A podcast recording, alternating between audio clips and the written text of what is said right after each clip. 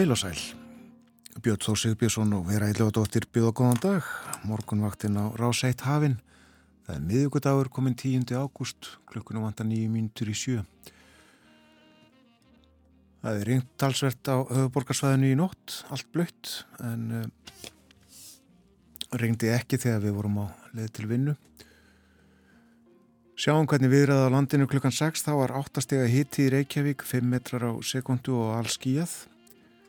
10 steg að hitti á Kvanneri, 9 gráður á Stikisólmi, þar var lítilsáttarrykning, 6 metrar vestanátt, fór í 14 í mestu kviðu. 8 gráður á Patrísfyrði og 7 í Bólingavík, 8 steg á Holmavík sem og á Blönduósi, 9 steg að hitti á Söðunisvita, 8 metrar þar sunnanátt, fór í 18 í mestu kviðu. 13 steg að hitti á Akureyri, skíjað, hægur vindur, 11 gráður á Húsavík, nánast logg, nánast logg líka á Rauvarhöfn og 9 steg að hitti, 13 steg á Skeltingstöðum, 12 á Egilstöðum, skíjað, 10 steg að hitti á höfni Hodnafyrði og 15 steg á Kvískerjum. Og það held ég að sé nú hæsti hitti sem ég hef séð núna í yfirliti frá klukkan 6 að mótni í marga daga.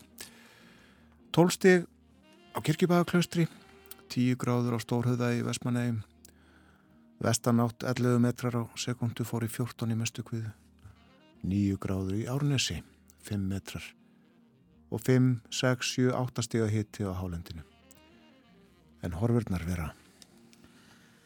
Í dag er spáð eh, vestlæri átt 5 til 15, víða strekkingsvindur en sumstaðar mjög kvassir vindstrengir fyrir norðan og austan en eh, lægir heldur í kvöld.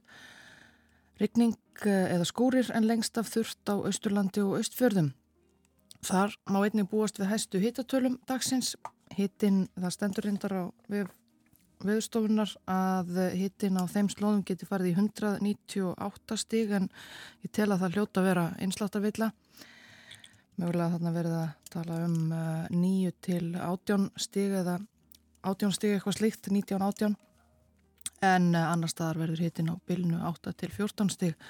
Östfyrringar þurfa ekki óttast held ég þryggjast af að hittatölu í dag. En á morgun 50 dag verður svo mun hægar í suðvestanátt, skúrir um landið, sunnan og vestanvert en þurft að kalla í öðrum landslutum og hittin þá 10 til 17 stíg og áfram hlýjast á Ísturlandi.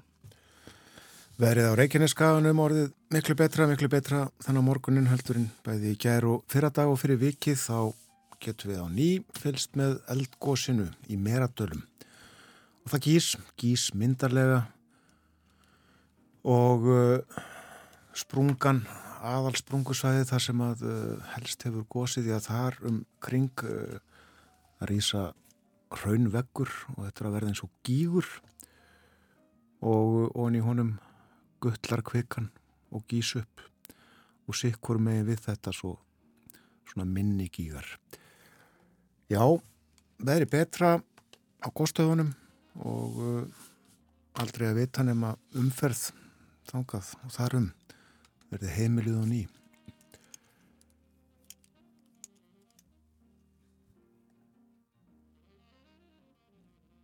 Ég mislegt á daskra hjá okkur á morgumvaktinni í dag. Við ætlum að tala um kjörfólks og þá helst þess fólks sem að vest hefur kjörinn. Borgar Argrímsson verði með okkur, dönskmállefni til umfjöldunar og uh, stjórnmál á Akureyri og svo þetta tónlist alls konar tónlist á í handriti hjá okkur og við hlustum nú á Aravísur það er Þórun Antoníja Magnúsdóttir sem syngur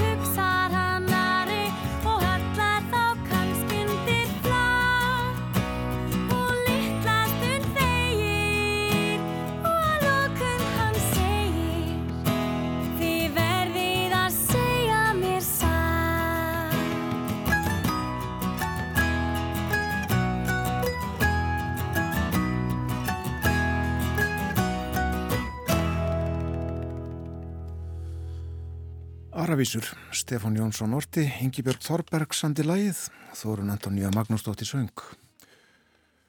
Og eins og ég saði áðan, uh, alls konar tónlist á dasgrá, til dæmis jazz, setna í þættinum. Jazz á tíð Reykjavík hefst á lögadaginn og uh, stendur í rúma viku og af því tilefni leikuvita jazz annars leið híðan og þaðan í þættinum fram að helginni og næstu viku líka. En uh, réttirnar koma eftir stuttarstund uh, eina og halva mínútu eitthvað svo við fáum fyrstu auðlýsingar allt með hefbundum hætti hér á morgumvaktinni. Fáum okkur meira kaffi í botlana og höfum okkur svo til flugs eftir fréttir.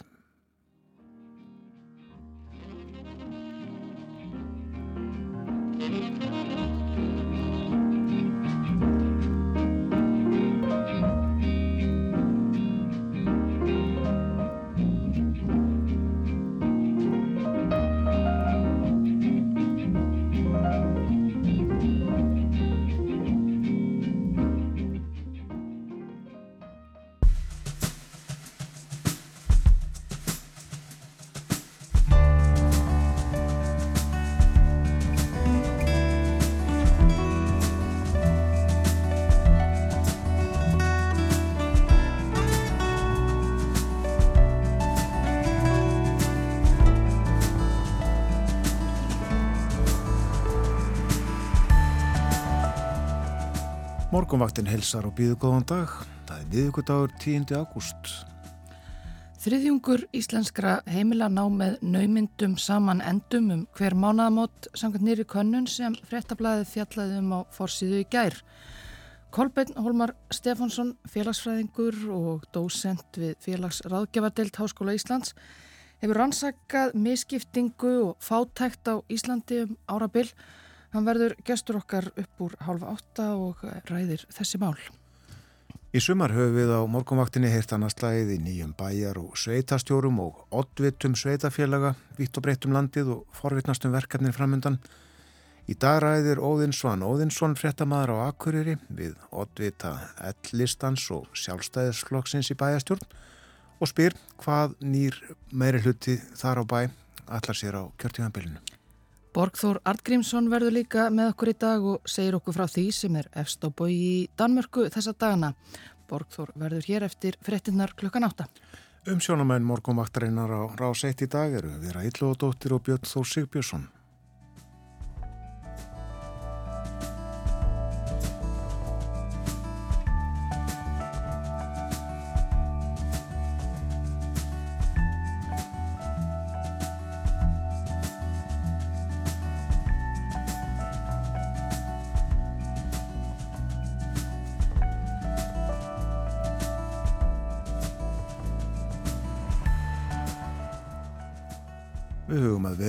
Dagsins og nefnum fyrst að í gildið er gul viðvörun vegna veðurs á Norðurlandi Istra og segir vestan 10 til 18 metrar á sekundu með vindkvöður að 30 til 35 metrum á sekundu á Tröllaskaga við Eyjafjörð, Skjálfanda, á Melrakastléttu og Langanesi og arasamt aukutækjum sem taka á sig mikinn vind. En spáinn, það verður vestlæga átt í dag að 15 metrum kvassast norðaustan til og víðadáli til væta en yfirleitt þurft fyrir austan. Og það lægir heldur í kvöld. Og hitti í dag nýju til átjámstig hlýjast austan til þannig hefur það verið síðustu daga. Á morgun 50 dag suðvestan 5 til 10 metrar skúrir engum sunnan og austan til. Og fer að regna um landið suðvestamert annað kvöld og hitti á morgun 8 til 16 stig og hlýjast austanlands Já, eh, eldgossið við sjáum það nú og ný í eh, vef útsendingum frá góðstöðunum. Við höfum orðað þessu hér fyrir fréttinnar og nokkuð að fjallað um það í fréttatímanum. Það gís og gís og gís og uh, verður fróðulegt að sjá að heyra hvort uh, fara megi af góðstöðunum í dag. En uh, við lítum á útsýður bladana og byrjum á fórsíðu fréttablasins og þar segir í myndateksta fjölmarkir ferðamenn lögðu leið sína í átt að eldgósinu í meradölum í gerð en voru stöðvaðir af lauruglu sem hefur lokað svæðinu vegna veðus. Engin fekk að fara að góðsvæðinu og á myndinni má sjá samsagt bílaröð og lauruglu þjóna ábúða fulla að vísa fólki í burtu. Og það segir hér Kristjan Hennek, ferðamæði frá Þýskalandi, var óanæður með að fá ekki að fara að eldgósinu en vonast til að geta séð gósið aður hann heldur aftur til Þýskalands fjallaðan þetta nánar inn í blæðinu og uh, það er fjallaðum uh, málefni slökkviliða hér. En uh, Íslendingar verja hlutfarslega næst minnstu fjármagni til slökkviliða og brunavarna í Evrópu aðeins 0,2% af hildar útgjöldum hins ofinbera það er sem sagt uh, þetta hlutfall sem fer í málaflokkin og þetta er uh, eh, 1,3 miljardar króna. En meðal tal álfunar er rúmlega tvöfald herra 0,5% og rætt hér við Magnús Mára Smárasson hann er formaðar landsambands slökkviðis og sjúkraflutningamanna. Og uh, hann segir að áður hafi mönnun verið vandamál stöðugildi ekki nógu mörg eða ekki tekist að ráða í þau öll. En þau málsíu í betra horfi nú. Vandin er mestur tengdu búnaði og aðstöðu. Og hann segir bílalflottin er víðáverðin gammal tækin sömu leiðis og húsnæðið. Og telur hann að við aðgæðslu myndi búnaður og aðstafa ekki uppfylla nútíma kröfur gríðarlega mikill munur sé á búnaði aðstöðu og mönnun eftir svæðum Ansi víða er sveitafélagunum þröngur stakku sniðin, sérstaklega í dreifðari byggðum. Við viljum sjá ríkið koma meira að rekstrinum með fjármögnun. Slökkuliði gerir ímslegt fleira en að slökka eld og meðal verkefna eru viðbröð við mengunaslísum og björgun fast klemdra. Og til þessa þarf sér hefðan búnað engum í ljósi þess að bílar eru sífælt að verða sterk byggðari fjallaðum þetta sem sagt á fórsýðu fréttablaðsins. Fórsýðu myndin á morgunblæðinu tekjum við tjörnina Reykjavík í gær en uh, kertafleiting fór þar fram og uh, víðar um landið.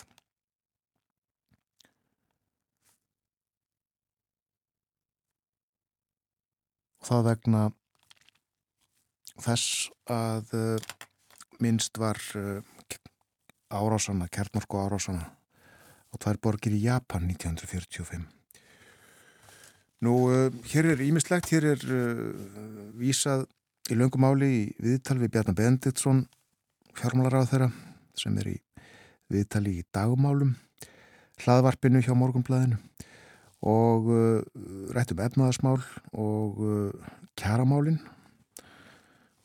kjarasamlinga gerðin framöndan og hann, ráð þegar hann telur vel undan á farsælum og góðum samningum á vinnumarkaði í höst sem vergi fengna kaupmáttar aukningu hins vegar sé óraunhæft að vænta svo mikillar aukningar kaup, kaupmáttar, kaupmáttar á hverju áru um alla framtíð og hann er gaggrinninn á fólk sem gaggrind hefur vakstaðekkan í Sælabankans og uh, einnig uh, nýja skýslu um uh, stöðumála sem hagfræðingar hafa skrifað, hann segir það er ekki hægt að flýja verðbólguna og Sælabankin mun ekki lækka vexti bara af því að það er rópað svo hátt að honum. Og þarna beinir hann orðum sínum að verkalýðsleðtóum segi hér, verkalýðsleðtóum sem atyrt hafa bæði Sælabankan og hagfræðinga á vegum þjóðhagsráðs fyrir skoðanir á forsöndum komandi kjærasamlinga.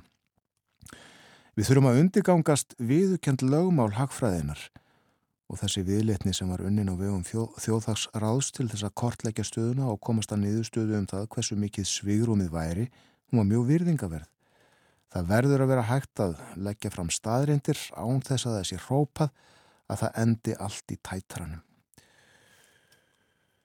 Já, mér finnast, finnast þessi hróp og köll að selabankastjóra eða öðrum sem hafa verið að semja skýslu fyrir stjórnvöld vera gríðarlega óveri skuldul, segir Bjarni. Og rættið hann innar í blæðinu líka, inn í blæðinu og svo þetta mikla viðtal við dagmál og fleira uh, heilsugjenslan er rekin á hálfu mannabla, segir hér, nú eru 160 sérfræðingar í heimilisleikningum starfandi í landinu, ekki allir í fullu starfi. En uh, formaður félags íslenskra heimilisleikna Margret Ólafía Tómasdóttir segir að það þurfi 300 leikna til að hilsugeslu stöðvarna séu full mannaðar miða við stærð þjóðfélagsins í dag. Og það er líka fjalla hér um Mílu, söluferlið á því fyrirtæki franst fjárfestingafélag hugðist kaupa og um það var samið við eigandan, síman. En sankettnisettilitið gerði aðtúasendir og uh, máli núna í pattstöðu, segir hér.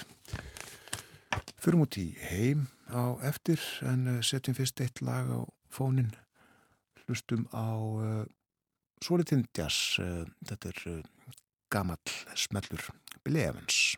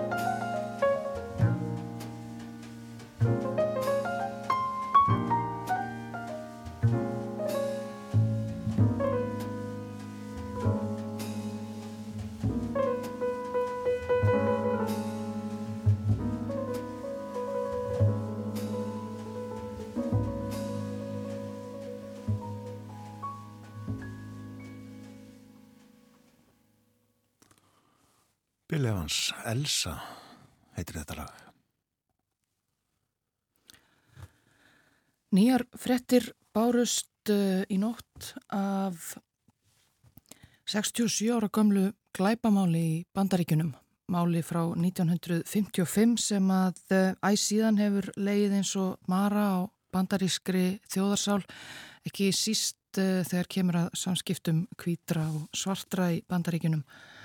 Þannig er mál með vexti að kviðdómur í Mississippi ríki bandaríkjana hefur ákveðið að ákæra ekki konun okkra sem er 87 ára gömul Karolin Dunham eða Karolin Bryant eins og hún er einnig þekkt fyrir að eh, hafa árið 1955 tekið þátt í að ræna og uh, myrða 14 ára svartan pilt Emmett Till sem að hún hafði áður sakað um að hafa blístrað á hana og gripið í hana og talað til hennar á ógnandi hátt í verslun í smábænum Money, Mississippi þar sem að Emmett Till 14 ára var þá gestkomandi, hún sjálf var 21 árs gömul og uh, vann í þessari sjóppu í smábænum Þetta mál vakti gríðarlega aðtekli á sínum tíma og hefur haldið áfram að, eh, lita bandaríska umræðu því að eh, þremur dögum eftir að Caroline Bryant ásakaði drengin um að hafa blýstarað á sig þá réðst einmaður hennar Roy Bryant á samt eh, eldri bróður sínum J.V.F. Millam inn á heimilið þar sem að Emmett Till var gestkomandi tóku hann höndum og misþyndu honum á róttalega hátt og, eh, og eh, myrtu hann síðan. Og eh, móðir Emmets ákvað síðar að hafa útför drengsins að hafa, hafa opna líkistuna í útför drengsins til þess að fólk geti séð hversu illa kvítumennir leku hann. Og var þetta innblástur margra í réttinda baróttu blökkumanna sem að og færðist aukinn kraftur í hana við frá þessu og meðal annars eh, hinn frægar Rosa Parks sem að minna var sagt að þegar hún neytaði að færa sig um seti í eh, strætisvagninum hérna um árið þá hafi hún hugsað til að metst til. En uh, þeir uh, morðingjarnir Rói Bryant og Millam voru síðar, uh, þeir voru síðar ákerðir fyrir morðið en, en réttarhöldin í dómsúsi í Sveit Mississippi með algjörlega kvítan kviðdóm, skipaðan engöngu kvítum körlum, þar voru þeir uh, síknaðir af öllum ákæruliðum þrátt fyrir að já, ansi mörg sönunagögn bentu til sektar þeirra og var það ekki til þess að, til þess að sljáka í reyði bandarísks blökkufólks og uh, æg síðan hefur þetta þótt svona óuppgert sár í, uh, í bandarískri sögu og uh, bandaríkjaman alls ekki hægt að grúska í þessu máli. Uh, fyrir nokkur síðan uh, fyrir sumar þá bárst fregnir af því að, að hópur fólks með áhuga á þessu máli hefði, hefði grafið sig niður í skjalakassa í kjallara dómshúsins þar sem réttarhaldin fóru fram á sínum tíma 1955 og fundi þar áhugaverð skjöl meðal annars uh, ákjæruna sem að gefin var út á hendur morðingunum á sínum tíma og kom þar í ljós að uh, konan sem að bendi á Emmett Till, Caroline Bryant eða Caroline Dunham eins og hún kallar sig nú, hún hefði einnig uh, verið ákjærð á sínum tíma en, en aldrei verið nefnt í uh, varðhald eða, eða þurft að mæta fyrir dóm. Og uh, með þetta skjál fór hópurinn fyrir, uh, fyrir yfirvöld í Mississippi í vonum að hægt væri að, að, að fullnæja þessari ákjæru því að hún er enn á lífi sem sé 87 ára gömul þessi kona. Og hefur einnig hafa einnig fundist gömul skrif eftir hana þar sem að hún, sem að hún bæði talar um sinn þátt í, í málinu en játar þó vissulega að hún hef ekki ekki óskað sér að drengurinn er þið myrtur á svo hróttalega nátt eins og, eins og raun varð. En uh, eh, kvittdómur sem sé tók uh, málið aftur til skoðunar 67 árum síðar og nið, kom niður staða nú að, að, að gamla konan verður ekki dregin fyrir dóm fyrir uh, þátt sinn í þessu máli og segir í fregnum bandarískra fjölmiðla af þessu að líklega séu þetta svona hinn endalegu lok á þessu sorglega máli þó að eh, minninginum emmett tilmunni vafalust uh, lifa áfram og halda áfram að veita baróttu fólki innblástur.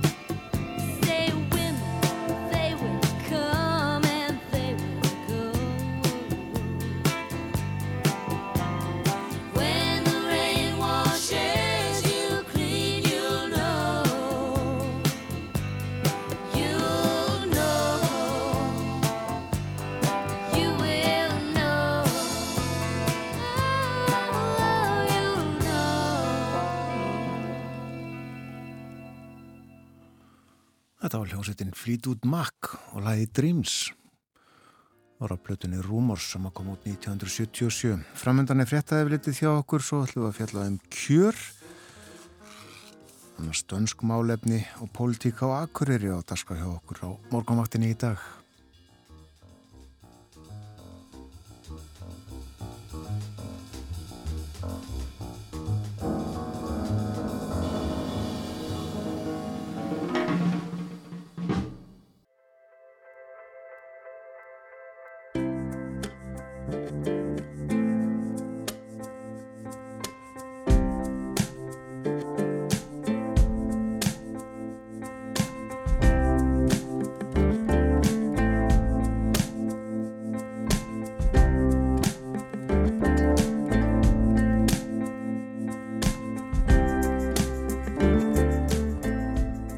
Þyrðalust á morgunvaktina á rás 1 klukkan réttliðilega hálf átta það er miðugudagur 10. ágúst.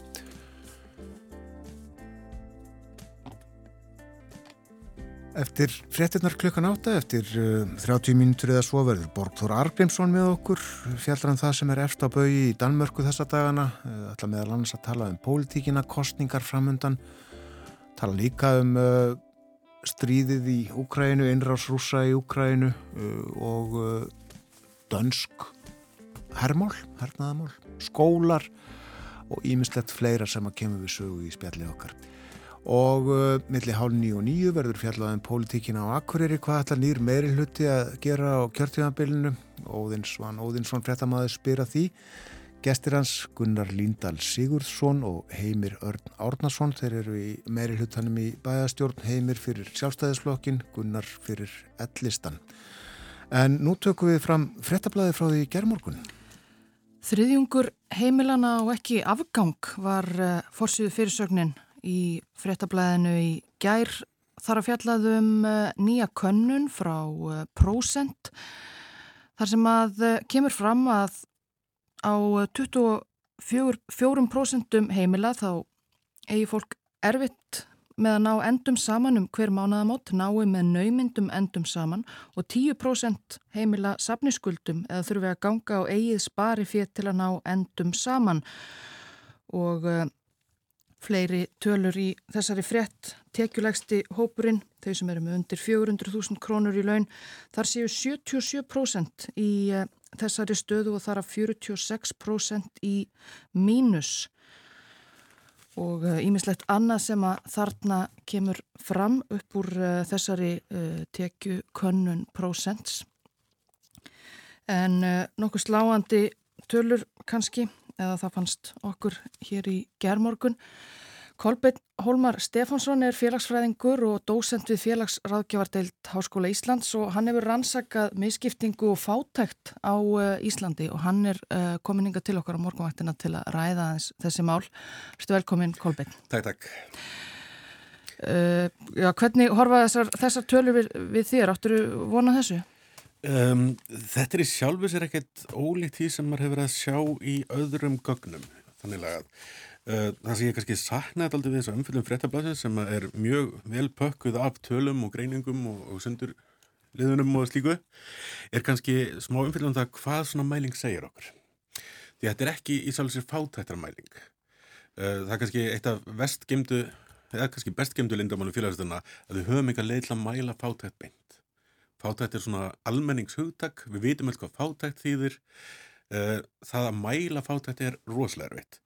Uh, og svona mæling hún nálgast fátækt að einhverju leiti en hún fangar hann ekki.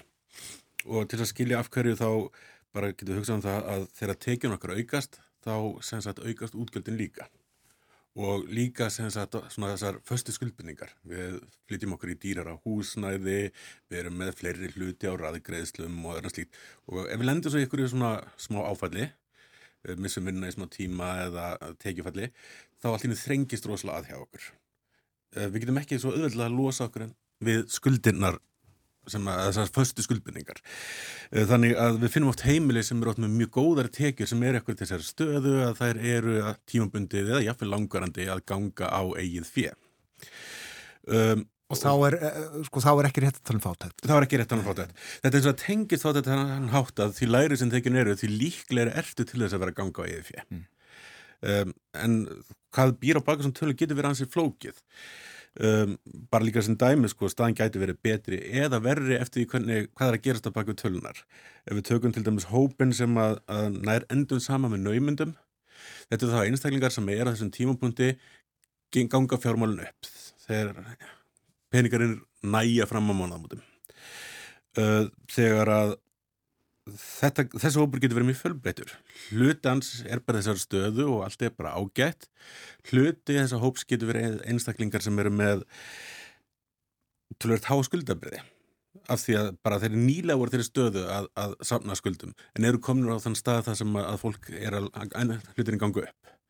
En það er mjög ólítið að vera kannski með þú veist tveggja miljón krónar fullnýtan yfirdrátt og vera að ströggla mánuð til mánuð heldur en að vera skuldlaus að, að ströggla mánuð til mánuð bara við horfum á sagt, áhrif á hlutinu svo stýruvæsta hækkunum og fleiri að ef þú ert því sem hópi sem að réttlætur hlutir en gangu upp, ef eitthvað fer úr skeiðis þá náttúrulega sviðrum þið farið uh, stýruvæstir hækka, það þýðir að, að hugslaðar húsnæðskostnar er að hækka, annar lánakostnar er að hækka þannig að allt í ennum ferðu úr þessum hópi sem að hlutinni gangu upp hjá yfir í annan af, af þessum tveimur mm. Hópum að annarkort þetta sanna meiri skuldum eða ganga á sparifjö eða kannski það sem er svo endastaðan er að þú átt ekki lengur neinar neitt sparifjö til þess að ganga á, þú ert búin að full tæma raun og veru lánströstuð þitt og, og þá ertu bara komið þennan stað þar sem að, að þú ert ekki lengur með tekjur til þess að, að komast í gennum mánuðin og þarf bara eitthvað neginn að lifa við það. Það eru góður á dýr. En þú sagðir að það væri, já, verst eða best geimta leindarmáli hver vitt sé að, að eh, mæla og rannsaka fátækt. Já, hvað aðferðir, aðferðir eru notaður? Uh, Skilgerna að mæla fátækt? Í auknum mæli er við farin að nota, sem sagt, horfast í að horfa á fleiri mælingar en þessar einu hefðbina. Þessar hefðbina mælingar eru láttökjumörk eða hétt fátöktamörk henni gána daga. Uh, þá er einfalda að dreygin ykkur lína í tekidreifinguna oft 60% af miðgildinu er ástofanartekjum, miðgild er þessi miðjupunktur í dreifingunni. Uh, og sem sagt allir sem eru fyrir neðan þennan punkt eru mefnir sem búandi við fátækt. Í dag þá tölum við kannski meira um hættu á fátækt af því að vandamálið þessa mælingu er að fylgta þessu fólki sem fyrir neðan þessa, þennan punkt uh, það er þannig tímabundið. Um, og það að vera kannski með lágar tekjur tímabundið eitt ára æfinni, það er ekkit agalegt. Námsmenn eru sérstaklega líklega til að lenda undir þessum mörgum í, í mörgum görnum að því að við tökum ekki námslán Eh, þetta er líka ákveðin svona láttökju fasi í lífinu þar sem maður er eitthvað að ströggla eh, en það er alltaf lægið þegar maður er fjárfæst eða mentin sem skila manni svo eftir fimm ár þá er maður bara komin alltaf annar stað í lífinu. Eh, svo er kannski hópar sem að eru rétt yfir láttökjumörgum til dæmis örgulífiskerðu okkar er doldið þannig að það heldur fólki oft mjög sem sagt rétt fyrir ofan þessi mörg þannig kannski mælist ekki endla fyrir neðan láttökjumörg eða þú ert að lifa á örgulífiri en ef þú ert þar í langan tíma þá ertu sannlega fátakur þó að þú mælist aldrei í gögnunum. Mm. af því að þú ert búin að ganga á lánströðstíð og, og eignir ef það voru eitthvað rétt að byrja með. Og þetta er svona langvarandi, maður er bara fastur basically. Er eitthvað að segja til um það hversu margir eru fátakir á Íslandi? Um, það er ofta ágætt að þegar maður horfa á þessar mælingar í heilsinum saman þá myndir maður kannski, það er svona bendið til þess að hóbrinn sem að er kannski, við getum sagt að sé svona búið eitthvað svona sára fátætt sé svona um 2%. Um, það er kannski svona pakkin og það er kannski mjög mikilvægt að hafa því huga að, að fólk vill oft setja svona ákveðnar stríðsfyrirsannir á þessa hluti. Uh, á Íslandi er fátætt ekki gigantist samfélagslegt vandamál og einhliðin á því er, einhverjum myndi segja nú þá þurfum við ekki að ágjöra því en það er líka þetta að vera þannig, þetta er vandamál sem er leysanlegt. Það er hægt að tryggja öllum góðu lífskjöru í Íslandi. Við erum bara ríkt samfélag, hópurinn er ekki stór, við getum leist þetta. Er þetta læra hlutvallin gengur og gerist í samanbröðuríkjum? Uh, já, lífskjöru í Íslandi eru náttúrulega almennt mjög góð, við erum með því besti heiminum uh, og við erum gerðnan þannig með hinum Norðurlöndunum í hlutföllum sem að, að hérna þar sem að með litla fátækt. Það sem kannski er óvænt í þessu tróunni í sambröðuríkjanum er að fátækt hefur verið að aukast mjög rætt í Svíþjóð. Uh, bara sænska velferðkerfi hefur tekið þannig breytingum, það er þegar maður tala við sænska velferðar sérfræðinga þá er þeir ánum mjög efins um það að Svíþó geti talist raun og veru lengur sem eitt af norrænu velferðarkerfunum þannig að þeir voru svona flagskipið í þessum bransa áður sko. En, en almennt séð já, þá er fátætt með það sem gengur gerist bara tökum við Európi helsinni eða, eða viður heiminn mjög fátíð á Íslandi. Og þetta er leysanlegt eins og þú segir. Þetta er leysanlegt vandamál. Að Hérna í þessari konun er uh, talað um uh, meðal annars uh, sjáanlegan og mikinn sjáanlega mun á milli höfuborgarsvæðis og, og landsbyggð, fjárhagur heimila verri á landsbyðinni. 8% munur sjá, er, er fólk fátækara á landsbyðinni?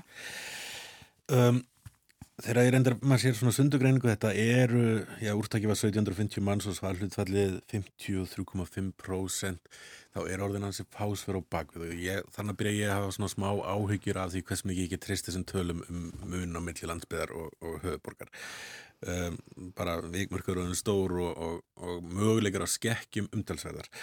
Þannig að ég er ekki vissum að þessi gang segja ykkur það, en við vitum það náttúrulega að það er, efnarslega er ja, höfuborgarsvæðið annars vegar og svo landsbyðinnar eins og, og Þóruður Bjarnarsson félagsæðingur vilt kalla þér. Uh, þetta er mjög ólík efnarsvæði. Það er mjög, ólíkt mentunastig, það er ólíkar atunugreinar og laun og tekir er almennt sér lægri á landsbyðan. Uh, á móti kemur að líka alls konar kostnæður og húsnæðskostnæður er lægri þannig að það er svona segi, ég myndi ekki endla að draga þessar áldurinn á þessum gögnum en það er alveg alveg ástæðilega ætlað að sérstaklega eins og í COVID þá náttúrulega hefur stór hluti af efnaðanum út á landi verið auknum mæli verið tengst húrisma uh, og kannski færri greinar sem að geta sagt, pikkað upp þann hluti af vinnaflins þegar, þegar allir var lokað. Þannig ég get alveg ímynda mér að, að allavega á þessum tímapunkti séum víða staðan miklu verri þar heldur en, en á höfuborgarsæðinu Já. Já, um 2% uh, landsmanna fátæk eða við fátækt samkant skilgreiningum hefur fjölgað eða fækkað í þessum hópi á síðustu árum áratugum? Mm, tímaramið sem við höfum þá er þetta tiltullega stöð, það flögtir svona niður í 1,5 upp í 3% það er svona breytilegt bara yfir tíma sko. það er um, það er náttúrulega, já í sjálfu sér og kannski við erum að horfa á fátætt sem sko annars erum svona, erum alltaf ríkt samfélag þannig að við kannski viljum frekar að horfa á fátætt sem afstæða. Um, þannig að um, það er einhverjum spurningin hvað þú stendur með aðra, hvort þú getur notið þeirra gæða sem eru þykja sjálfsög eðlega í samfélaginu sem við búum í. Um, það í sjálfu sér þegar við erum komin á þennan stað þá hefur það tilnefnum til að vera tiltöla stöðut en sveiblast þegar það gerist eitthvað svona áfallan eða slíkt. Um, það sem við kannski skiptir máli eins og þegar við erum náttúrulega nýbúin að vera gangi í gerðnum kreppi tengt um sluðu COVID um, áratug fyrir þá var það, það bankarhunnið uh, og eitt sem við séðum er hvernig þessar ólíku sko kreppur spiliði sem mjög ólíkt út. Í bankarhunnu var það þannig að sagt, það hvað mikið að tekjunum lækkuðu eh, hafði mjög sterkar fylgni við hvað þeir voru háar fyrir þannig að því meira sem þú hafður fyrir því meira lækkaður þannig við sáum rosalega jöfnun í tekjudreifingunni og sagt, eh, þessi fátæktarar hlutfallið, átekjur hlutfallið það beilinins minkaði og gætt gefið þá þessa raungu hugmyndum að, að fátækt hefði minkað við það að efnaðskerfi hrundi sem var alls það sem gerðist um, það sem gerist núna var kannski meira að það voru aðeins öðru í þessu samsning það var, ef að fólk held vinnunni þá var það til dæla bara vel sett. Það var enginn stórkvæmslega áfællum á þessu stað. Hvað hefur aukist og, og, og slíkt. Uh, og það var líka svo margt gert til þess að halda upp í lífskerum og afkomu öryggi þeirra sem að, að, mistu vinnuna. Um, en það er samt þannig að, að það er sem sagt, þeir sem mistu vinnuna þeir voru miklu viðkamari stöð og þeirra lífskjör heldu ekki í við það sem var að gerast annar staðar.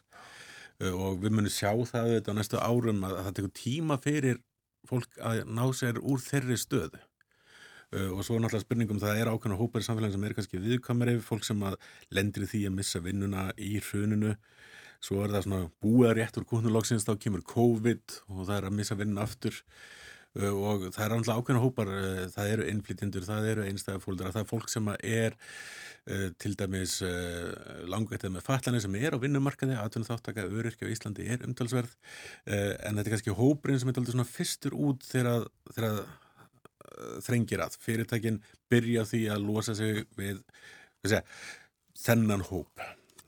Þannig að þetta er kannski hópur sem lendir því aftur og aftur að detta út af vinnumarkaði þegar að, að efnaðslífið dregst saman Þú nefnir innflytjendur, öryrkja, einhverju leiti einstæða foreldra eða einstætt fólk, eru þetta svona helstu hóparnir sem að mynda þessi 2% fátakra? Já, þú finnur það úr þessum hópum og það er raun og veru, innflytjendur ekki einhverja einsleitur hópur, uh, þeir eru mjög mismundi sagt, eftir hvernig þeir komu, hvað þeir eru að koma, um, við erum kannski með tvo stóra hópa sérstaklega, það er verist vera að innflendur frá Pólandi raðast oft mjög neðlega í tekjudreifinguna.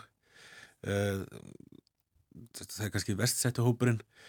Um, einstæða fólkdara það er það náttúrulega þetta er svona, þetta er svona ásýrað allt svona einfalda skýringar eins og það til dæmis að einstæða fólkdara bú alltaf við þröngam fjárhaka af því að það er bara einn fyrirvinna og Ísland er erfitt að komast af með eina fyrirvinna uh, hjá örkjunum er þessi langvarandi lágu tekjur sem að fylgja því að vera örku og óbúslega erfitt fyrir fólk sem er á örkulífari að bæta tekið svona með vinnu að því að skerðingarnar virka bara einfallega þannig. Uh, og svo er þetta fyrir eins og innflýðindur að þeirra stað á vinnumarkaðu bara í samflæðinu er veikar að hafa ekki sem er tengslanett, fá ekki sem er upplýsingar þannig að, að hugsanlega þá líka kannski upplýfið ekki endilega sem samfélag eða bara sem einstaklingar sem er skuldbendingu gagvart hóknum sem er komin inn til landsins að því að, að þau eru innflýðindur. Það er, það er svona ákveðu svona undirliggjandi átt í mannskinu þetta svona in-group, out-group mentalitet. Uh, þannig að ekki endilega maður að sko, spila eitthvað stóru rasist að spila á þetta en þú ert vinnuveitandi og þú ert þetta að segja fólki þú, þú tengir einhvern veginn betur við gunna sem að, er eins og þú heldur en hinna þannig. Og svo eins og nefnum einstæða fóreldra við vitum að það er erfitt fyrir börn að alast upp við fátækt að sjálfsögðu eru, eru þau líklegri til þess að verða síðar fátæk á lífsleðinni? Já, það alast upp í fátækt eigur verulega líkunar á fátækt uh, og sem sagt þannig að alls konar hlutir sem tengjast það alls upp fátækt útsettur líka fyrir því að lenda í alls konar svona trámum uh, erum svona þessi samfélagurum pína að vakna til meðdendur um þessi áfæll sem geta átt í staði esku sem hafa langarandi áhrif um, Það, það þarf að stíka mjög valall gerðar í samtöðu þetta af því að þetta getur svo auðveldlega orðið þannig að við séum að kenna fórnalömbunum um. Um en sem sagt það, ef maður bara hugsa um það að vera fóreldrið sem að, að er fátækt uh, sem kannski ólst líka upp við fátækt þá uh, er, er einstaklega útsettari fyrir alls konar vandamálum streitu, misnótkun og áfengi jafnvel výmefnum uh, geðræn vandamál og fleira sem bara tengist í að, að vera í þessari fátæktarstöðu. Hún hægt róla brítur fólk niður. Uh, og það er nefnilega kannski hluta því sem að kannski svona vantar inn í alla þessa fattumræðu er að við hefum haft hort á svona polariseringu þar sem að hægri mentalum að, að uh, fólk er bara latt, það þarf bara að berga sér, það er bara píldið að svona að hérna kvelja fólk til sjálfsjálfar uh, á vinstri vagnum höfum við oft svona sjónamegin að, að þetta sé ómannskilegt og það sem fólk þurfu bara er hægri tekjur. Um og sannleikun er aðeins flóknari heldur en og pínlítið af báðu. Um, það er líkil atriði ef við ætlum að hjálpa fólk að fá þetta annars verður að byrja því að tryggja því afkomur ekki það hafi nægilega tekið til þess að lifa af uh, og sem sagt og, og það sé örugar tekjur. Uh, við getum bara þess að ekki alveg stoppa þar af því að oft er það þannig að við sem samfélag við hefum pildið tekið valdið af fólki í eilífi og oft þarf það þarf að vinna með fólki í því að það komist að staða að geta tekið svo stjórna eilífi þannig að það er alveg ákveðin sannleikur því að ef við bara látum fólk fá peninga á þess að, að hjálpa því að, að vinna í sjálfu sér og vinna í nátökum á lífinu þá er ekkert endilega að hjálpa fólki úr fátat við getum líka verið að gera það háð framfærslinni þannig að, að þetta er, við þurfum að gera bæði við þurfum að, að bæði, ekki endilega refsa fólki til sjálfsvæðbara en, en hjálpa fólki aftur að ná tökum á lífisinu. Hvernig er þetta kerfið mitt okkar, þetta velferðarkerfi? Uh, við erum svona, hvað segja, við erum svona klassískt norrænt velferðarkerfi í orði á borði þá er við svona frekar látekjumíðakerfi um, og á mörgu leiti til dæmis ef við skoðum hluti eins og hérna barnabætur þá eru við tiltölulega til til að örlátt við allra tekjulegst hópuna um, en það byrja að skerða leið og hefur tekjur umfram lagstu lögin þannig að, að þú veist ennþá getur ennþá verið að búið fát þetta samt fyrir að taka skerða bætin hennar. Um, svo kannski það kannski vantar þessa heilstæðu hugsyndaldið um, það að vinna með fólki til dæmi sem að býru fátat það er aldrei að herðum kannski félagsþjónustunar og það er kannski ekki svona skýrt samtal á milli framfærslukerfana og þeirra einstaklingar sem eru þó að reyna að vinna því að hjálpa fólki að, að ná tökum á lífisinu. Uh, en það er alls konar áhugaverð uh, tilrunaverkani sem að, að er unninnan félagsjónustu sveitafélagana sem að það sem er verið að reyna að finna leðir til að, að hjálpa fólki á fætur aftur. Þannig að uh, kerfið þjónustan uh, aðstóðin þetta hefur batnað frá því að þú fórst að pæli þessu málum fyrir mörgum árum? Uh, mörguleiti já en það vantar eins og svo oft uh, á Íslandi kannski svona þessa heildstæðu sín hennan heildaramman, hvernig við ætlum að láta allt tala saman, hvert er markmiðið því að, að, að á endanum þá ætlum við ekki endla að fólk á, á framfærslu hjá, hjá velferðarkerfunu út í það óvendala en, sagt, en, en segi, það talar ekki saman líka af því að umræðinu sem mál hefur farið kannski í svona polariseraðan pólitískan farveg að, að ákveðna lausnir fara að tengjast mjög stert ákveðnum pólitískum afstöðum. Og það vantar ekki endilega bara meiri peninga, greinilega. Það vantar alltaf peninga. En ekki bara, þú segir að það sé svona veginn, uh, nei, minna, það. Það þarf, það þarf að, að vera, ég meina eitt af því sem við vitum líka bara einfallega það að geðhelbriðskerfi í Íslandi er ekki nægilega gott. Uh, og það er komin eitthvað svona ófjármánuð heimil til þess að að efla það. En eh, bara aðgengi að geðheilbrið getur verið líkil aðriði um, fólk sem að ef bara horfum á hvernig geðheilbriði spilar með fátækt að annars vegar sko bági ég þels að getur leitt til fátæktar en fátækti getur líka þetta getur orðið svo auðvitað vítarhingur sem að fólk festist í mm. uh, og segi, ef við látum fólk fór peninga þá erum við búin að tryggja ákveða öryggi en við getum bara ekki stoppa þar það er bara svona, er svona við getum sett reyði hlýðstað við sko starfsendurhefinga kerfið okkar að við erum með kerfi sem að teku fólk og hjálpar því að endurhefa alltaf komast aftur á vinnumarkaðin en kannski grunn endurhefingin sem kemur fólki á stað að geti nýtt starfsendurhefingu hún er ekki nægilega sterk á Íslandi þannig að kannski hóprins þarf mest á því að halda að fara í eitthvað svona ferli hann kemst alveg í gegn af því að að því að það vantar hennan grunn til að hjálpa þeim að komast þann stað og geti nýtt þetta. Vistu, stjórnmálamennir hafa uh, nægilega áhuga á þessum hálflokki og, og þá helst einmitt uh, þeir stjórnmálamenn sem ráða? Uh, já, já. Uh, vandamálið kannski, nú er ég farin að kvarta alveg óendalega mikið. Við erum búin að vera að tala um sömum mál frá því að ég byrjaði að fylgjast með stjórnmálum svona cirka 15 ára gammal það er, það er hvað 1990 um, og umræðan fer alltaf svona samar hringin en einhvern veginn það leysist aldrei neitt. Það er alltaf verið að svona fykta eitthvað og jáðurinn að laga eitthvað pínlítið hér og þar. Stundum það er svona dálítið eins og íslenski stjórnmálamenn séu hrættir við að taka stór skref. Uh, hugsa hlutunum búin nýtt.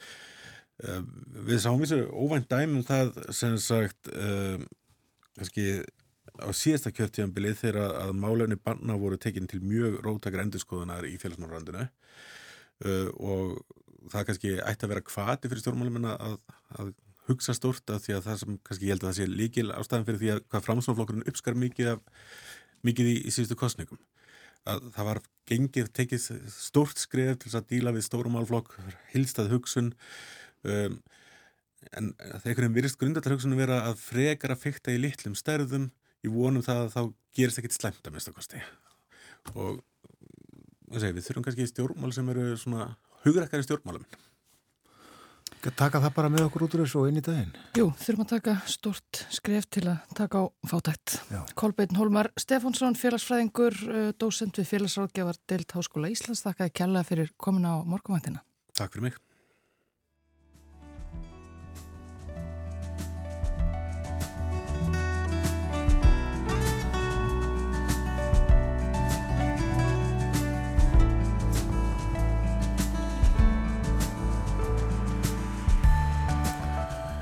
Já, þetta var svolítið spjallum fátækt í framhaldi að þessari könnun sem að byrt var á fórstíðu frettablaðsins í gær það sem framkemur að þrýðungur heimilina á ekki afgang eftir að hafa greitt afborganir og annað nöðsynlegt um ánaðamót 2% þar um byl uh, fallaði flokk fátækra á Íslandi samkvæmt skilgreiningum.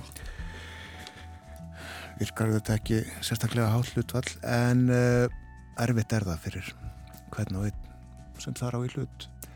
Frettinnar eru framöndan hjá okkur og eftir þær verður Borgþór Argninsson með okkur við ætlum að eh, fara yfir það sem er eftir að bói í Danmörku þessa dagana.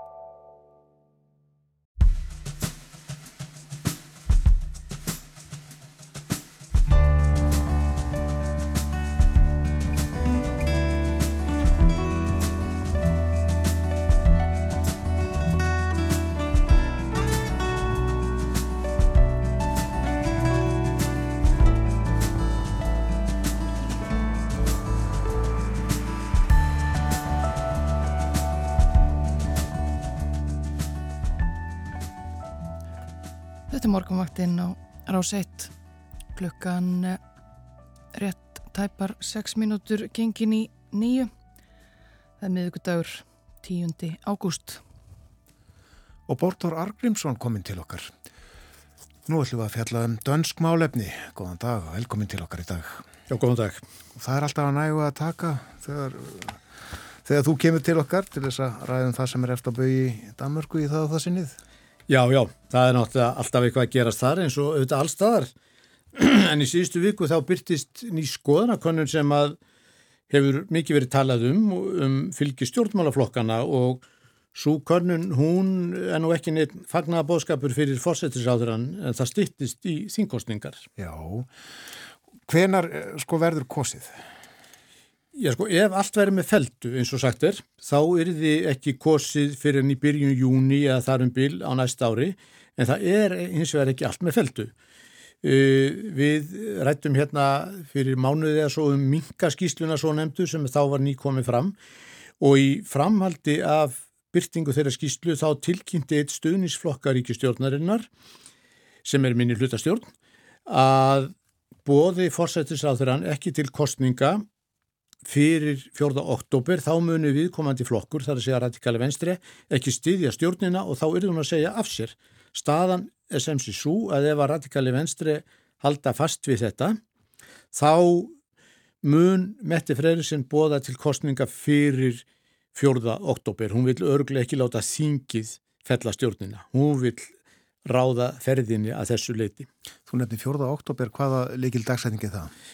Það er dagurinn sem að þingið kemur saman eftir sumarhlið og samkvæmt uh, þessari, og þetta er þá fyrsta mála á dagskrá, ef að hún verði ekki búin að tilkynna um kostningar og samkvæmt þessari nýju skoðanakonun þá er fylgi rauðublokkarinnar sem er stjórnin og stuðnisflokkar hennar og bláublokkarinnar alveg nýfjamt alveg nýfjamt En hún hefur tapast tvo mánuði til þess að gera þetta upp því sig Já Er eitthvað að vita hvað, hvað hún er að hugsa?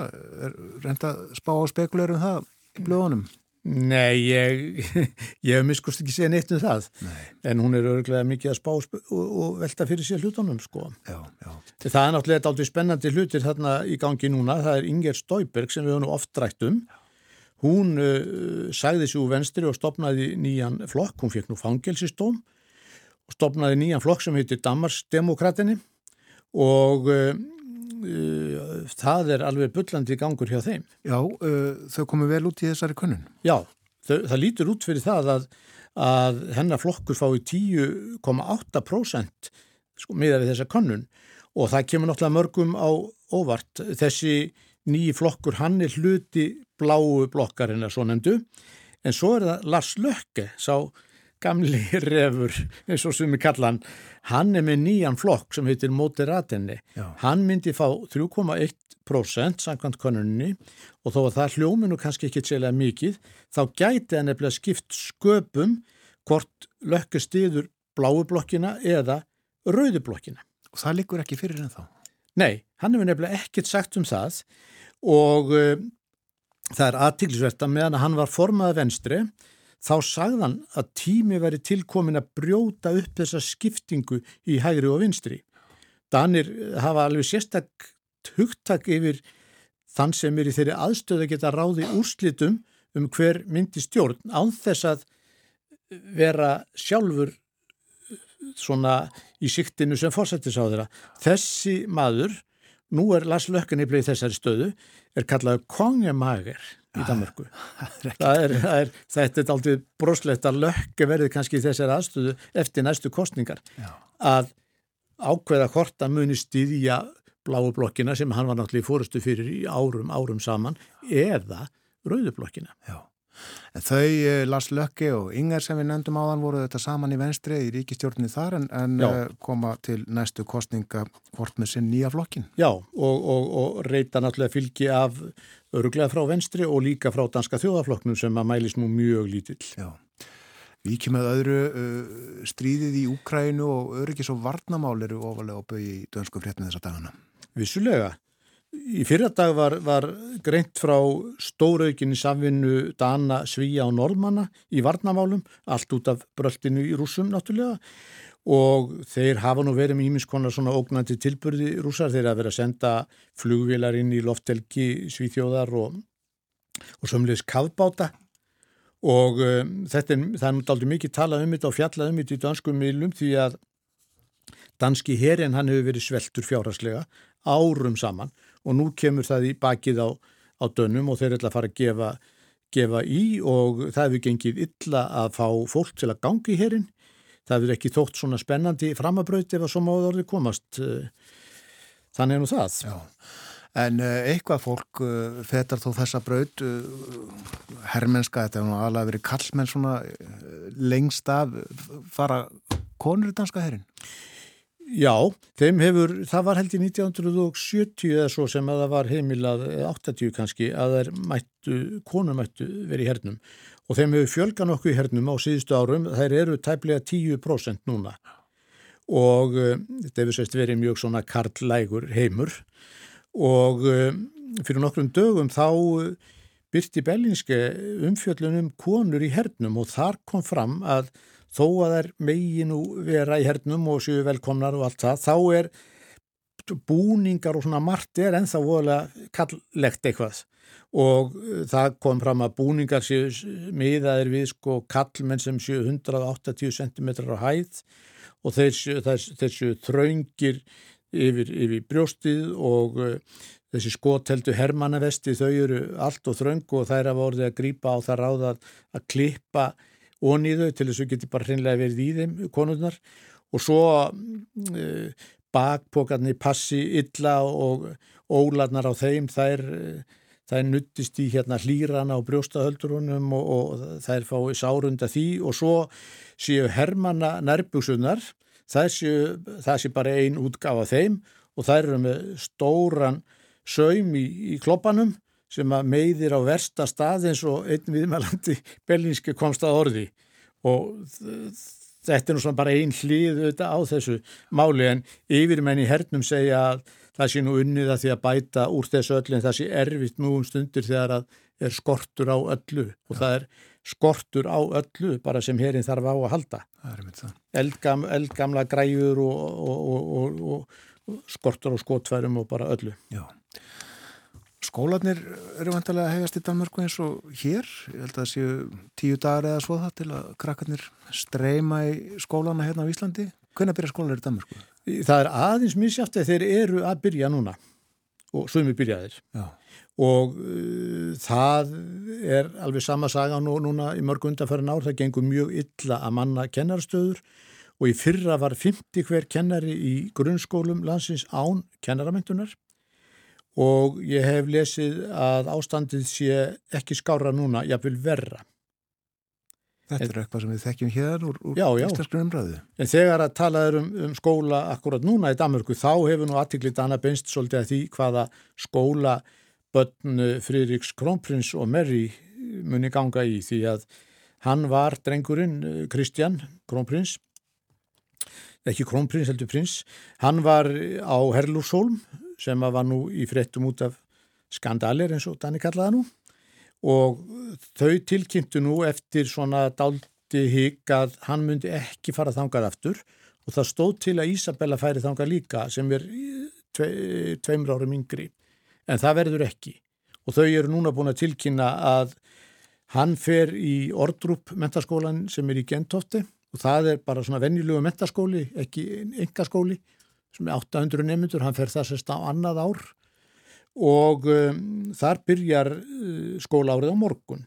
Og Ísabella hún fer aftur á móti á Ingrid Jespesens skóli á Östubrú í Kaupanöf, það er engaskóli svo nefndur með tæplega 700 nefndur held í grunnskóladeildinni og eitthvað um 300 í mentaskóladeildinni og sáskóli byrjaði á mánudagin var. Kristján er fættur 2005 en hún er fætt 2007 það er allt uppsláttar efni sem að varðar dansku konust. Já, já, já, já, það er gefið út alveg heilt blað sem er bara um fjölskyldunum Amalí Borgbilið blaði, það er bara ekkert annað í því og svo er náttúrulega er þetta auðvitað allstaðar í, í uh, dagblöðunum og DR og, og, og öllum þessum vikublöðum sem koma út sko úði og jemmu og hvað þetta heitir nú allt sko, já. það er allstaðar fyrir þetta efni. Já, já.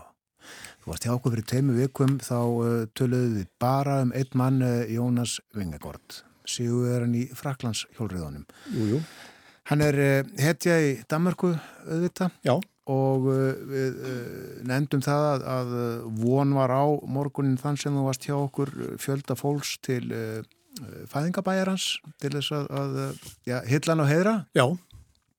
og búist við var það ekki 7-10 manns eitthvað svo leiðis Jú, en ég held að það hefði nú verið 25.000 sem komu. Það er aldrei mikið svona aukning í bæ sem að te telur ekki um að 1500 venjulega er tæplega það kannski. Já, já akkurat.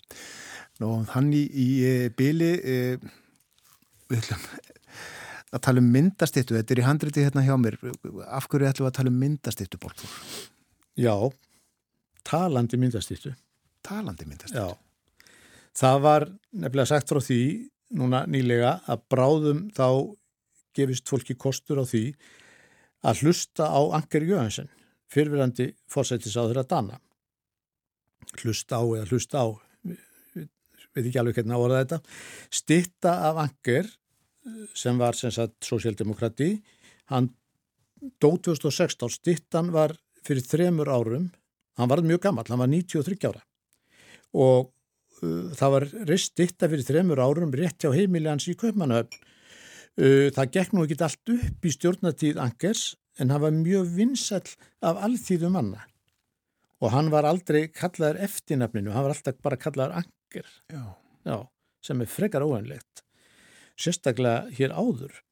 Og bráðlega getur sem sagt fólk sem klikkar með símanum á sérstaklega svona tákn eða app við stittuna, það getur hlusta á frásögn Angers sem alla sína búskapartíð bjó með yngir sinni og börnunum fjórum í lítilli íbúð í söðurhöfnunni í Köpmanöfn í, í hverfi sem að kent er nú við verkamenn eins og hann náttúrulega var áður en hann fór í pólitíkina.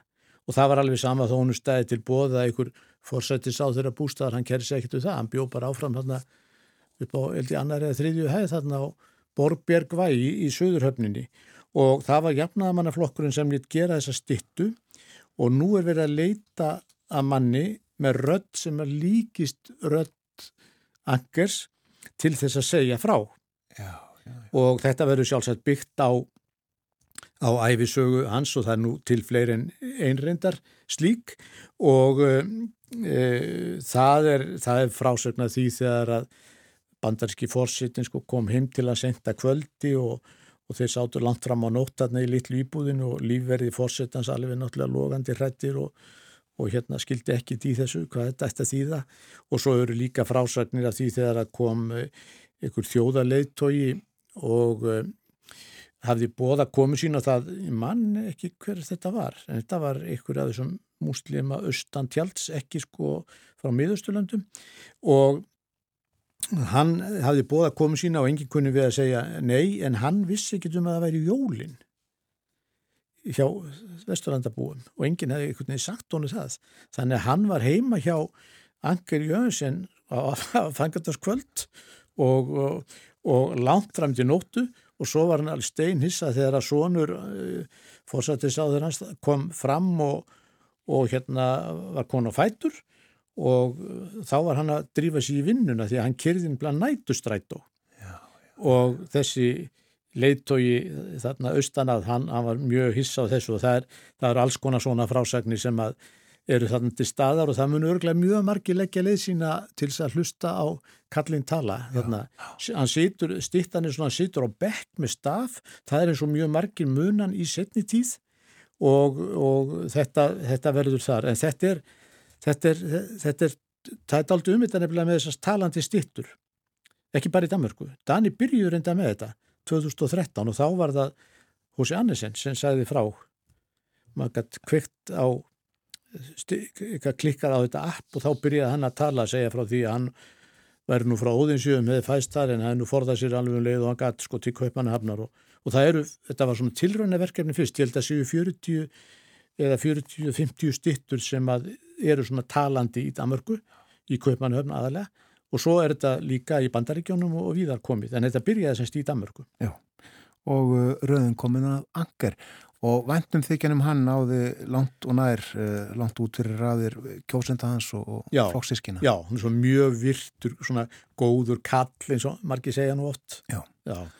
Nú tökum við fram danskala dagsins og uh, að þessu sinni er sungið um bifrið.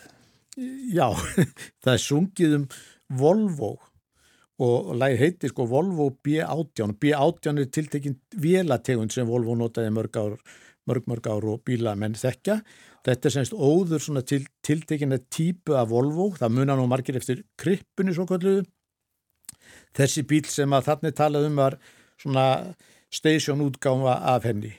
Þeir voru framlítið frá 53 til 69 þessi bílar. Og höfundur lagsins er Jan Colling sem er kennari og hann er jafnframt í hljómsveitinu Roger and Over sem eru flytjendur lagsins. Og lagið er sem sagt um Volvoin með tvo hlýðarspegla það kom út 1997 og, og er mjög vinsalt í Danmörku. Alltaf kalla Volvo lagið Hlustum á það. Kæra þakki fyrir í dag Bortur Argrímsson. Takk sem leiðis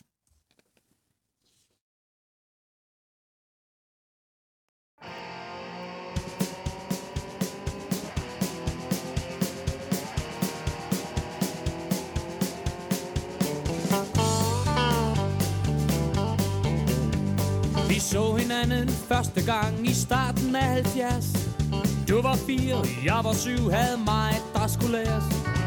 Tog en lille tur i dig, det var den bagerste plads. For at se, hvad du egentlig kunne, vi gav den fulde gas. Hun er min Volvo V18 210 To sidespejler med tiktræ om bag. 160 kilometer ud af Lievej. Min Volvo V18 Uh, jeg elsker dig. Vi voksede op sammen Både dig og mig. Tog tur ud til Saxil Strand Og kørte den lange vej. Og når vi rullede hjem igen Vi slog et smut forbi. Tanken ned på Oddervej Fyldt på for 110 Hun er min Volvo V18 210 To sidespejler med tigtræ om bag. 160 kilometer ud af Lievej Min Volvo V18 Uh, jeg elsker dig.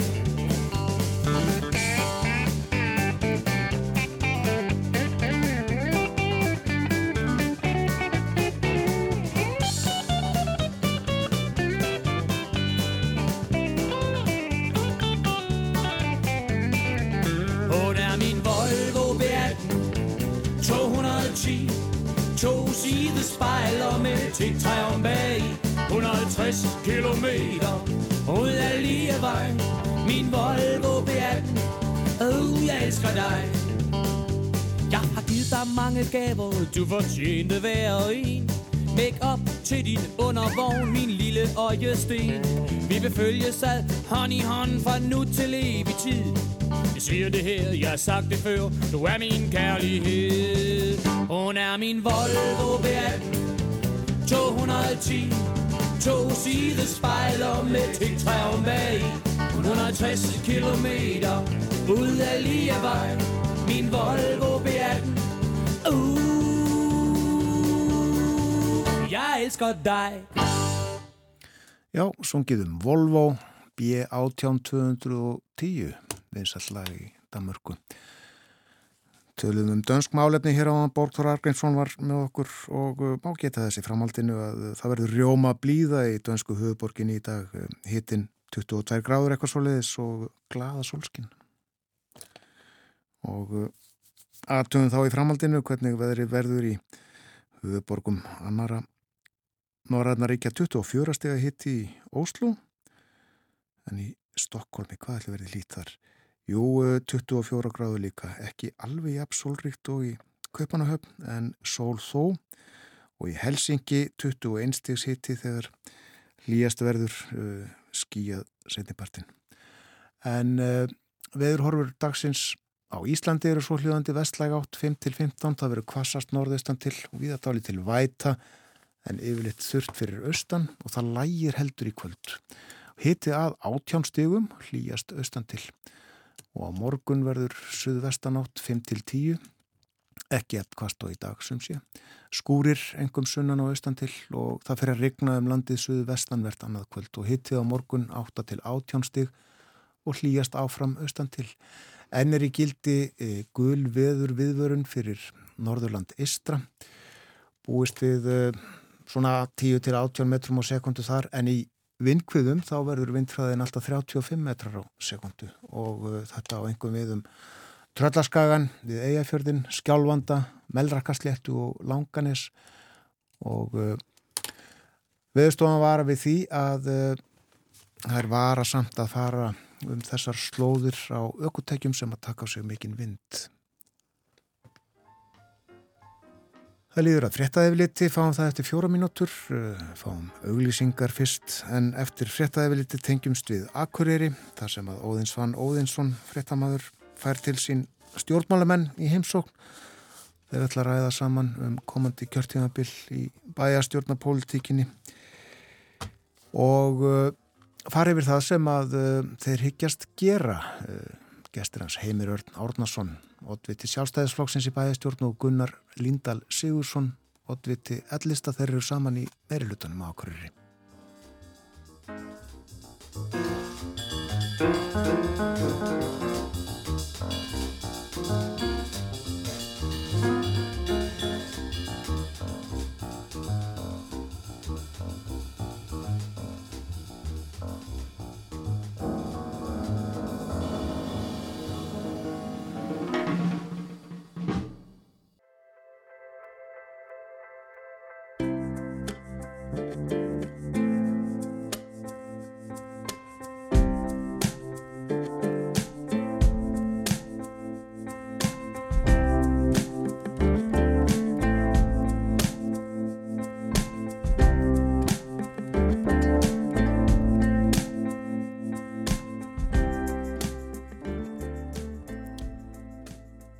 Frétta yfirlitið að baki og morgunvaktin heldur áfram.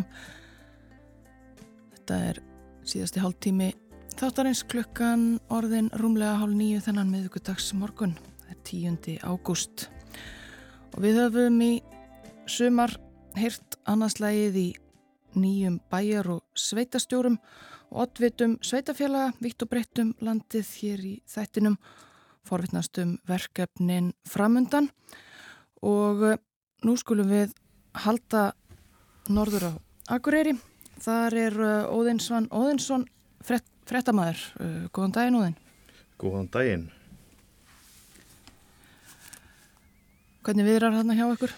Uh, ég var nú að heyra í frettæflitinu að væri gul viðvörun. Uh, það er nú ekki alveg svo slemt sko. Það er bara ágætis viður en ég held að þessi gula viðvörun og þetta, þetta róka einu meira við hérna hérna aðeins frá okkur en, en veðrið er bara þokkalegt sko, ég get alltaf að lappa í vinnuna bara á, peysunni og, og vera nokkuð brættur. Jæja, gott að heyra það. En uh, þú ert komin með gestið til þín í hljóðstofu. Já, akkurat, eins og þú komst inn á þá höfum við aðeins verið að fara yfir svona sveitastöldamálinn og, og það sem að koma skal í þeim efnum og ég fengi til mín tvo, tvo nýliða í, í, í þeim bransa, þá Gunnar Lindahl Sigursson frá Ellistanum og Heimirörn Átnason sem eru oddvitar tvekja stærstu stjórnmála aflana hérna á Akureyri í dag eftir, eftir kostningarnir í vor. Strákar, velkomnir. Takk. Takk fyrir. Uh, nú er svona sumafríð á enda hjá flestum þó, þó að það sé nú ekki alveg búið sumarið, þá er þetta svona pólitíkin að fara á stað og, og, og þetta er svona alltaf að fara að rúla aftur í, í frettum. Hvað hérna, við byrjum bara því, hvernig svona leggst þetta í ykkur, þessi, þessi pólitíski vetur? Herðu, þetta bara leggst mjög í okkur, þetta er endar löngu farið á staði okkur, þetta fóð strax á stað bara í júni og hérna stutt frí að voru bæjar og svundar í allt sumar og, og hérna nóg að gera. Sen er maður bara að koma sér inn í alveg fullt af málum. Já, já, bara sammála því það er hérna þetta, við hefum verið dúlega að funda í allt sumar, þannig sé og hérna en já, það verður gaman að sjá núna að þetta fyrir að fullt aftur Hver svona reikniði með að verði stóru málin? Ég veit að kannski svolítið óvend stóra málið svona réttur kostninga voru kettir.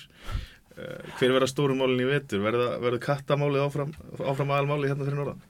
Nei, ég held að það verði ekki aðalmálið. Ég held að skipilagsmálin verða náttúrulega mikið í, í, í fréttum og, og hérna ótrúlega margt, margt spennandi og það er í, í vændum til dæmis bara fullt af nýju hverjum sem er að koma upp búið mikið íbúðar uh, skortur hér þannig að það, það er aldrei að lagast mm -hmm.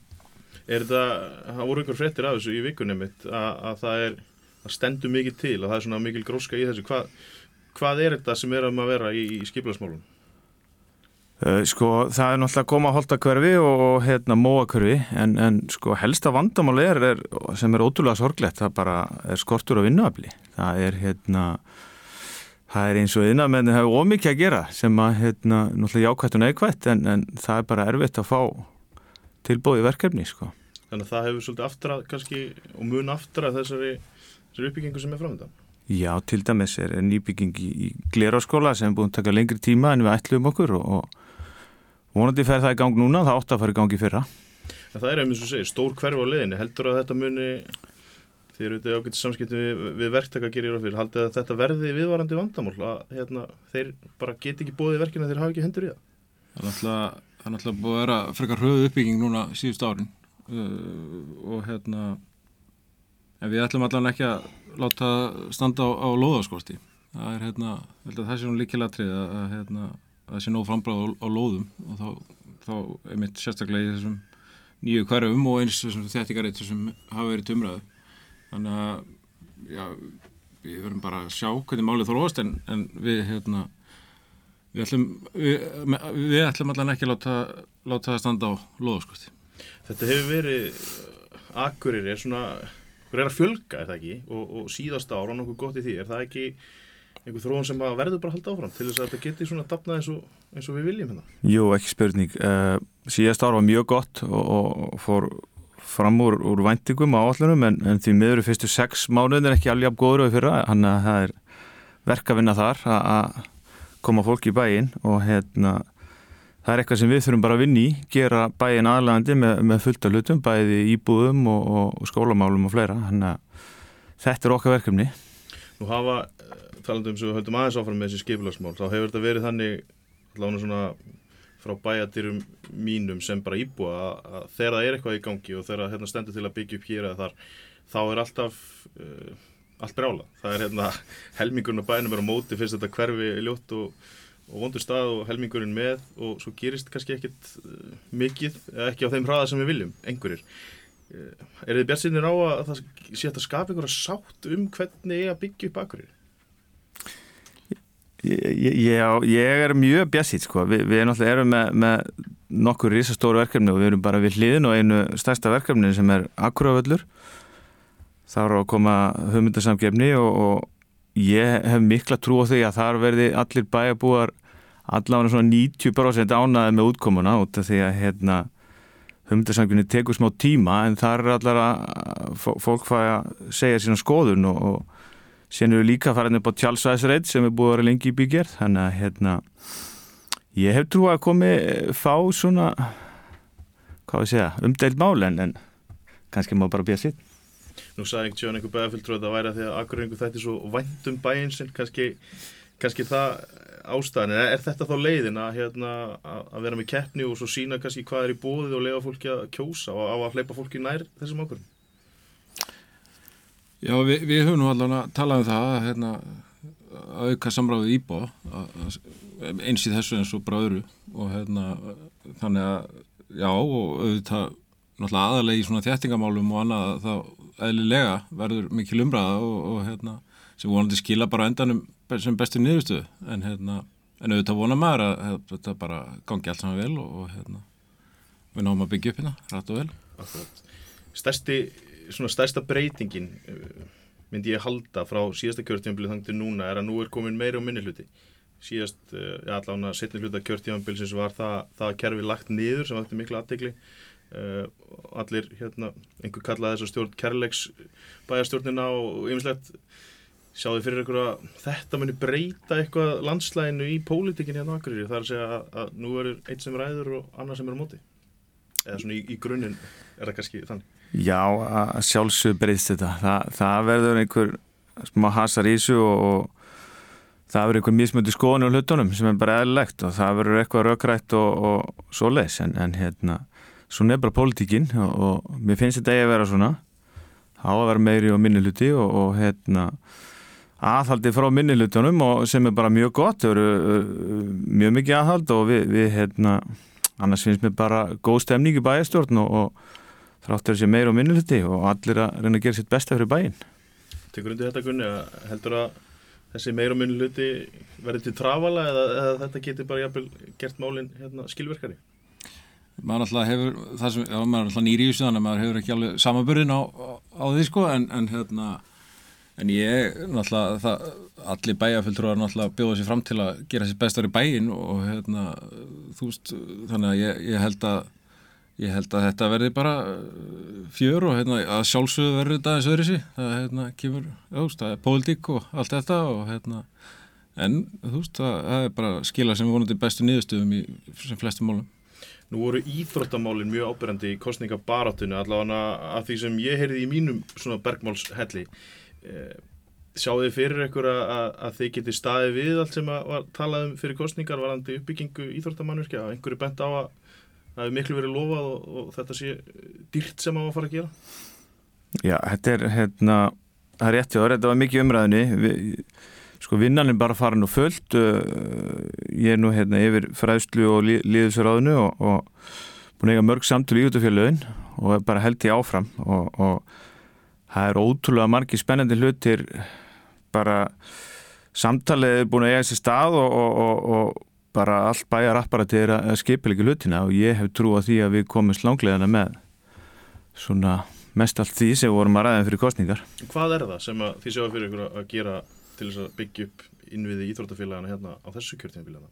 Það er náttúrulega margt hafið, það er náttúrulega sko, við erum byrjuð í skautahöllinni og, og káasvæðið er komið í gang sen eru búin að eiga samtal við, við flest fjölöðin bara um þeirra óskir og það er að koma núna skýslur frá félagin um hvað hva þeim vantar næstu árin, hann að hérna það er líka uppbygging á, á þósvæðinu og, og, og hlýðafjalli og það þarf að gera langtímanplan með, með sundlöginni, það er alveg ótrúlega margt sem það er nóg að gera. Mm. Það var gerður ákveðin svona listi yfir fórgangsætriði sem var mikið umræðinni fyrir kostningar um hvort það ætti að halda til streitu og við minnum að bæði ykkar nú lofa því að endurskoða þannig lista, er svo endurskoðan þá bara hreinlega hafinn?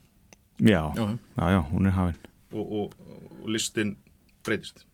Já, ég, ég, mér finnst ekki tíum bært að gera einhvern nýjan lista. Þetta tekur langa tíma að skipilegja og gera góða kostnaráallanir og, og eins og við sögum á hann, það er skortur að vinnaðabli. Vi, við þurfum að vita hvað við getum gert. Uh, við erum að fullu að ræða við félagin og forgangsræða og hérna, hann er hætti bara spennandi verkefni, nóg að gera. Spennandi verkefni, nóg að gera. Ég efast ekki um það, en mér langar aðeins að hérna, þið sjálfur, þið eru hérna, báðir með bakgrunnur úr sporti, íþróttum, tveir gamli þjálfarar, eða gamlir, kannski ekki svo gamlir en þið farið báðir þessa leið e, fyrir kostningar og, og hérna ég verði að segja að þekkjandi ykkur örlítið ykkur báða, kom smá óvart að sjá ykkur í, í þessu, þessu hlutverki. Hvernig svona, hvernig líst ykkur á þetta bara svona út frá ykkur einu personu? Já uh, þetta náttúrulega bara var eitthvað sem kom upp í, í voru og, og hérna maður ákvaði að slá til og, og hérna bjóða krafta sína fram í hérna í, í sveitisnöðamálun og hérna uh, nei það er náttúrulega bara áhuga á, á bænum sínum og, og hérna samfélaginu og, vilja gera sitt allra besta fyrir, fyrir það sko. Þetta er svo tekur undir heimir, er þetta hérna, ertu drefin á áhuga og ást á akkurir? Já, sjálfsögðu, ég hef búin að búa þarna allt mitt líf nema þetta við eh, nokkur ár fyrir sunnan og, og 2-3 ár alendis. Eh, ég, þetta er enda löng ákvörðun mér, ég tók ákvörðun bara fyrir 8-9 mánuði síðan og, og er búin að undirbúa með nokkuð vel sko og hérna hef alltaf haft mikið náttúrulega politík var með þess að spáði fyrir aldkískostningar hérna fyrir einhverjum tíu árið síðan hann að hérna þetta er alltaf blunda í mér og ég leti slag standa núna og sé ekki þetta því. Ég auðvitað þarf maður að vera með stóna skráp og takk ekki neitt inn á sig okkur svo leiðis en ég, ég bara er, er mjög spenntu fyrir kjöðtempilinu Taldur stóna skráp, þú hefur verið handbóltadómari, varstu þá búin að vera þeirra þetta þykka bak áður þú komst inn í, inn í pólitíkina? Já. Oft, þú hefur látið heyra það þar, væntalega Já, ég er enda dæmdi svo vel að ég fekk nú mikið að heyra en, en, en skrápurist ekki alveg um hálfa metr baki, sko. Já, ekki trúið því. Uh, hefur eitthvað komið ykkur á óvart? Þegar þetta nýbyrjaðir í þessu en ég meina þið farið í gegnum meiri hluta viðraður til dæmis sem að vöktu mikla aðtegli þið hérna spjöldluðu saman og svo spjöldluðu ekki lengur saman og svo settust þið saman niður aftur. Og þetta var mjög dramatíst og skemmtilegt fyrir mig sem fjölmiðlamann allavega að fylgjast með þessu. Eh, kom, kom það ávart þetta ferli að mynda meiri hluta? Já, sjálfsög er maður, eh, þú veist, allar fyrir mína parta, maður er bara að fara í gegnum þetta allt í fyrst skipti og hérna, þú veist, það, það, hérna, ma maður læri nýja hluti og maður veit alveg, hérna, eftir að búin að fara einu sinni gegnum þetta og bara, þú veist, allt saman að, að hérna, þá, þá, hérna, læri maður og hérna, þannig að, jú, jú, auðvitað er margt sem kemur óvart og hérna, margt nýtt og margt að setja sér inn í, það er, já. Var þetta eitthvað öðru sem regnaði með heimir? Já, já, algjörlega. Má lærið alveg ótrúlega mikið af þessu. Þetta var alveg frábæð skóli. Vonandi getum á að sofið eitthvað næst um að tekja þátt í þessu aftur sko.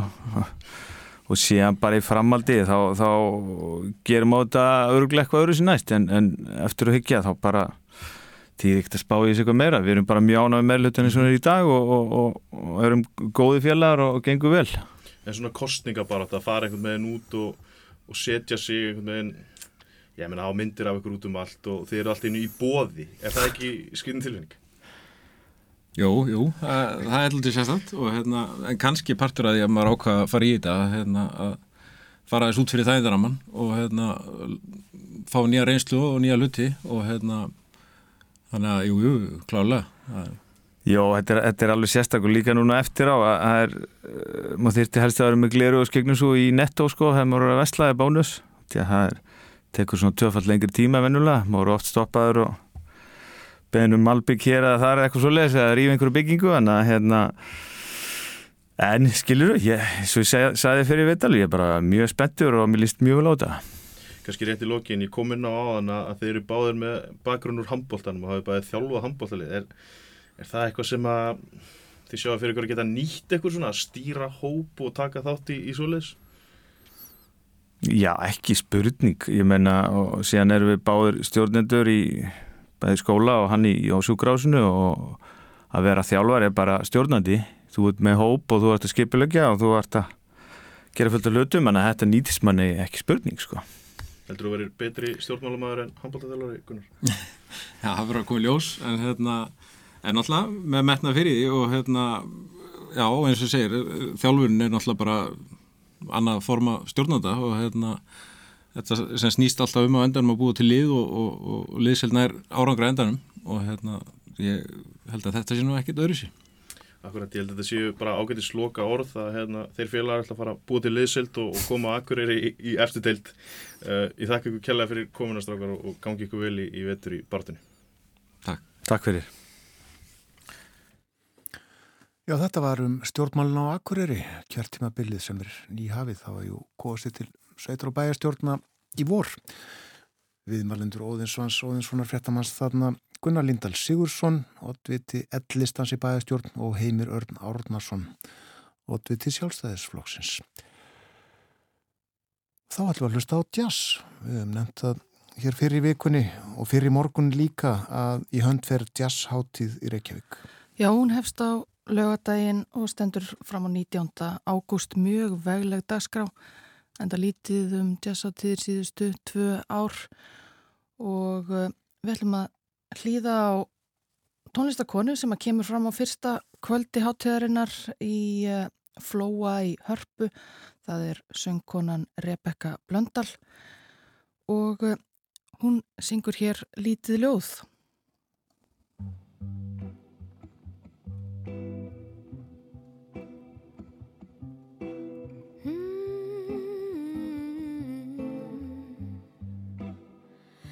Lítið ljóð á minni smiða Stikkorð sem að lýsa þér. Dagdraumatnir í mig tósa Ég á það til að gleima mér. Lítið bleik á réttri stundu Brósið alveg brætti mig. Hóvarðin hún heldur í mig Því ég var bara að hitta þig nokkru smuga að þú sért með mig í huga. Látir litla ljóðu duga í þetta sig Er einhver spuga að þú hafi mig í huga? Og að þú gætir hugsa fjara færa vanga þinn við vanga mig. Stóru orðin koma síðar. Svo margt sem ég vil segja þér. porque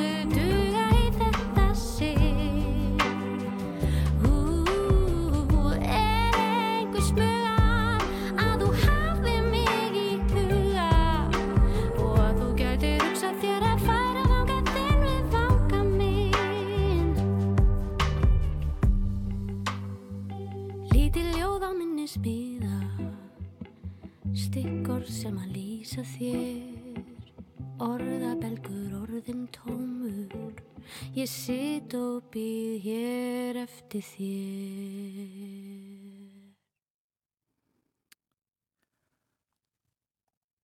Tjasöngunan Rebecca Blöndal lítið ljóð af eh, hennar fyrstu plötu sem heitir Ljóð. Og þetta verða útgáðu tónleikar í Flóa í Hörpu og lögadaginn. Meiri jazz á morgun hjá okkur á morgunvaktinni og uh, svo sérstöku umfjöllunum dagskrana og jazzáttíð Reykjavík á föstudaginn. En það skýrist senn hvort að heimilt verði fara að fara að góðstöðunum á Reykjanesskaganum í dag. Svæði verið loka núna síðustu þrjá daga. Margir samt uh, stólist og sumirlend í vandraðum. En uh, veðrið og aðstæður uh, miklu betri núna þennan morgunin heldur en síðustu daga. Við sjáum það á útsendingum í gegnum vefmyndavélarnar sem við fylgjumst með á mótnana. Skegnið hefur ekki verið neitt síðustu daga en uh, þetta sést allt saman mjög vel núna og uh, ég horfi á kvikuna gusast rauðglóandi upp úr gignum hátt í loft upp. Og þarna hefur myndast sem sagt gígur þar sem áður var svona laung sprunga, komnir hraunveggir þarna umhverfis. Og já, gígur er nokkuð myndalegur og svo tveir minni sikkur megin við en uh, fundur hófst hálf nýju held ég og vegum allir að sé ekki almannavarnadeldar ríkislauglustjóra með uh, þeim sem að uh, hafa eitthvað fram að færa og þekkja til þar sem ákveði verður hvort að heimilt verði að fara að, að góðstöðunum í dag. En það var tilkynnt í gæra að er bannað 12 ára á yngri. Og eftir mikla aðtikli Þetta skýris brálega, kemur kannski fréttan klukkan nýju. En uh, morgunvaktin er að ljúka við höfum setið hér frá því fyrir klukkan 7 í morgun og ímislegt verið á darskrápolítikin á Akureyri hér áðan. Borgþór Argrímsson var með okkur og saði okkur frá því sem er eftir að bauði í Danmörku þessa dagana. Og svo töluðum við um fátækt hér milli hálf 8 á 8. Jú, rættum við Kolbein Holmar Stefánsson, félagsfræðing, dósent við félagsráðgjafadeild Háskóla Íslands um uh, fátækt á Íslandi og uh, hvað hægt er að gera við henni. 2% Íslendinga lifa við fátækt, segir hann, samkvæmt uh, þeim mælikvörðum sem hægt er að nota. En erfitt að skilgreina og mæla fátækt, eins og hann sagði okkur frá. Lengri verði morgunvaktin ekki í dag. Bói Ágússon verði með okkur í fyrramáli heimsklukkin eftir morgunfrettir á morgun klukkan 8. Við þaukum samfélgina. Verðið sæl.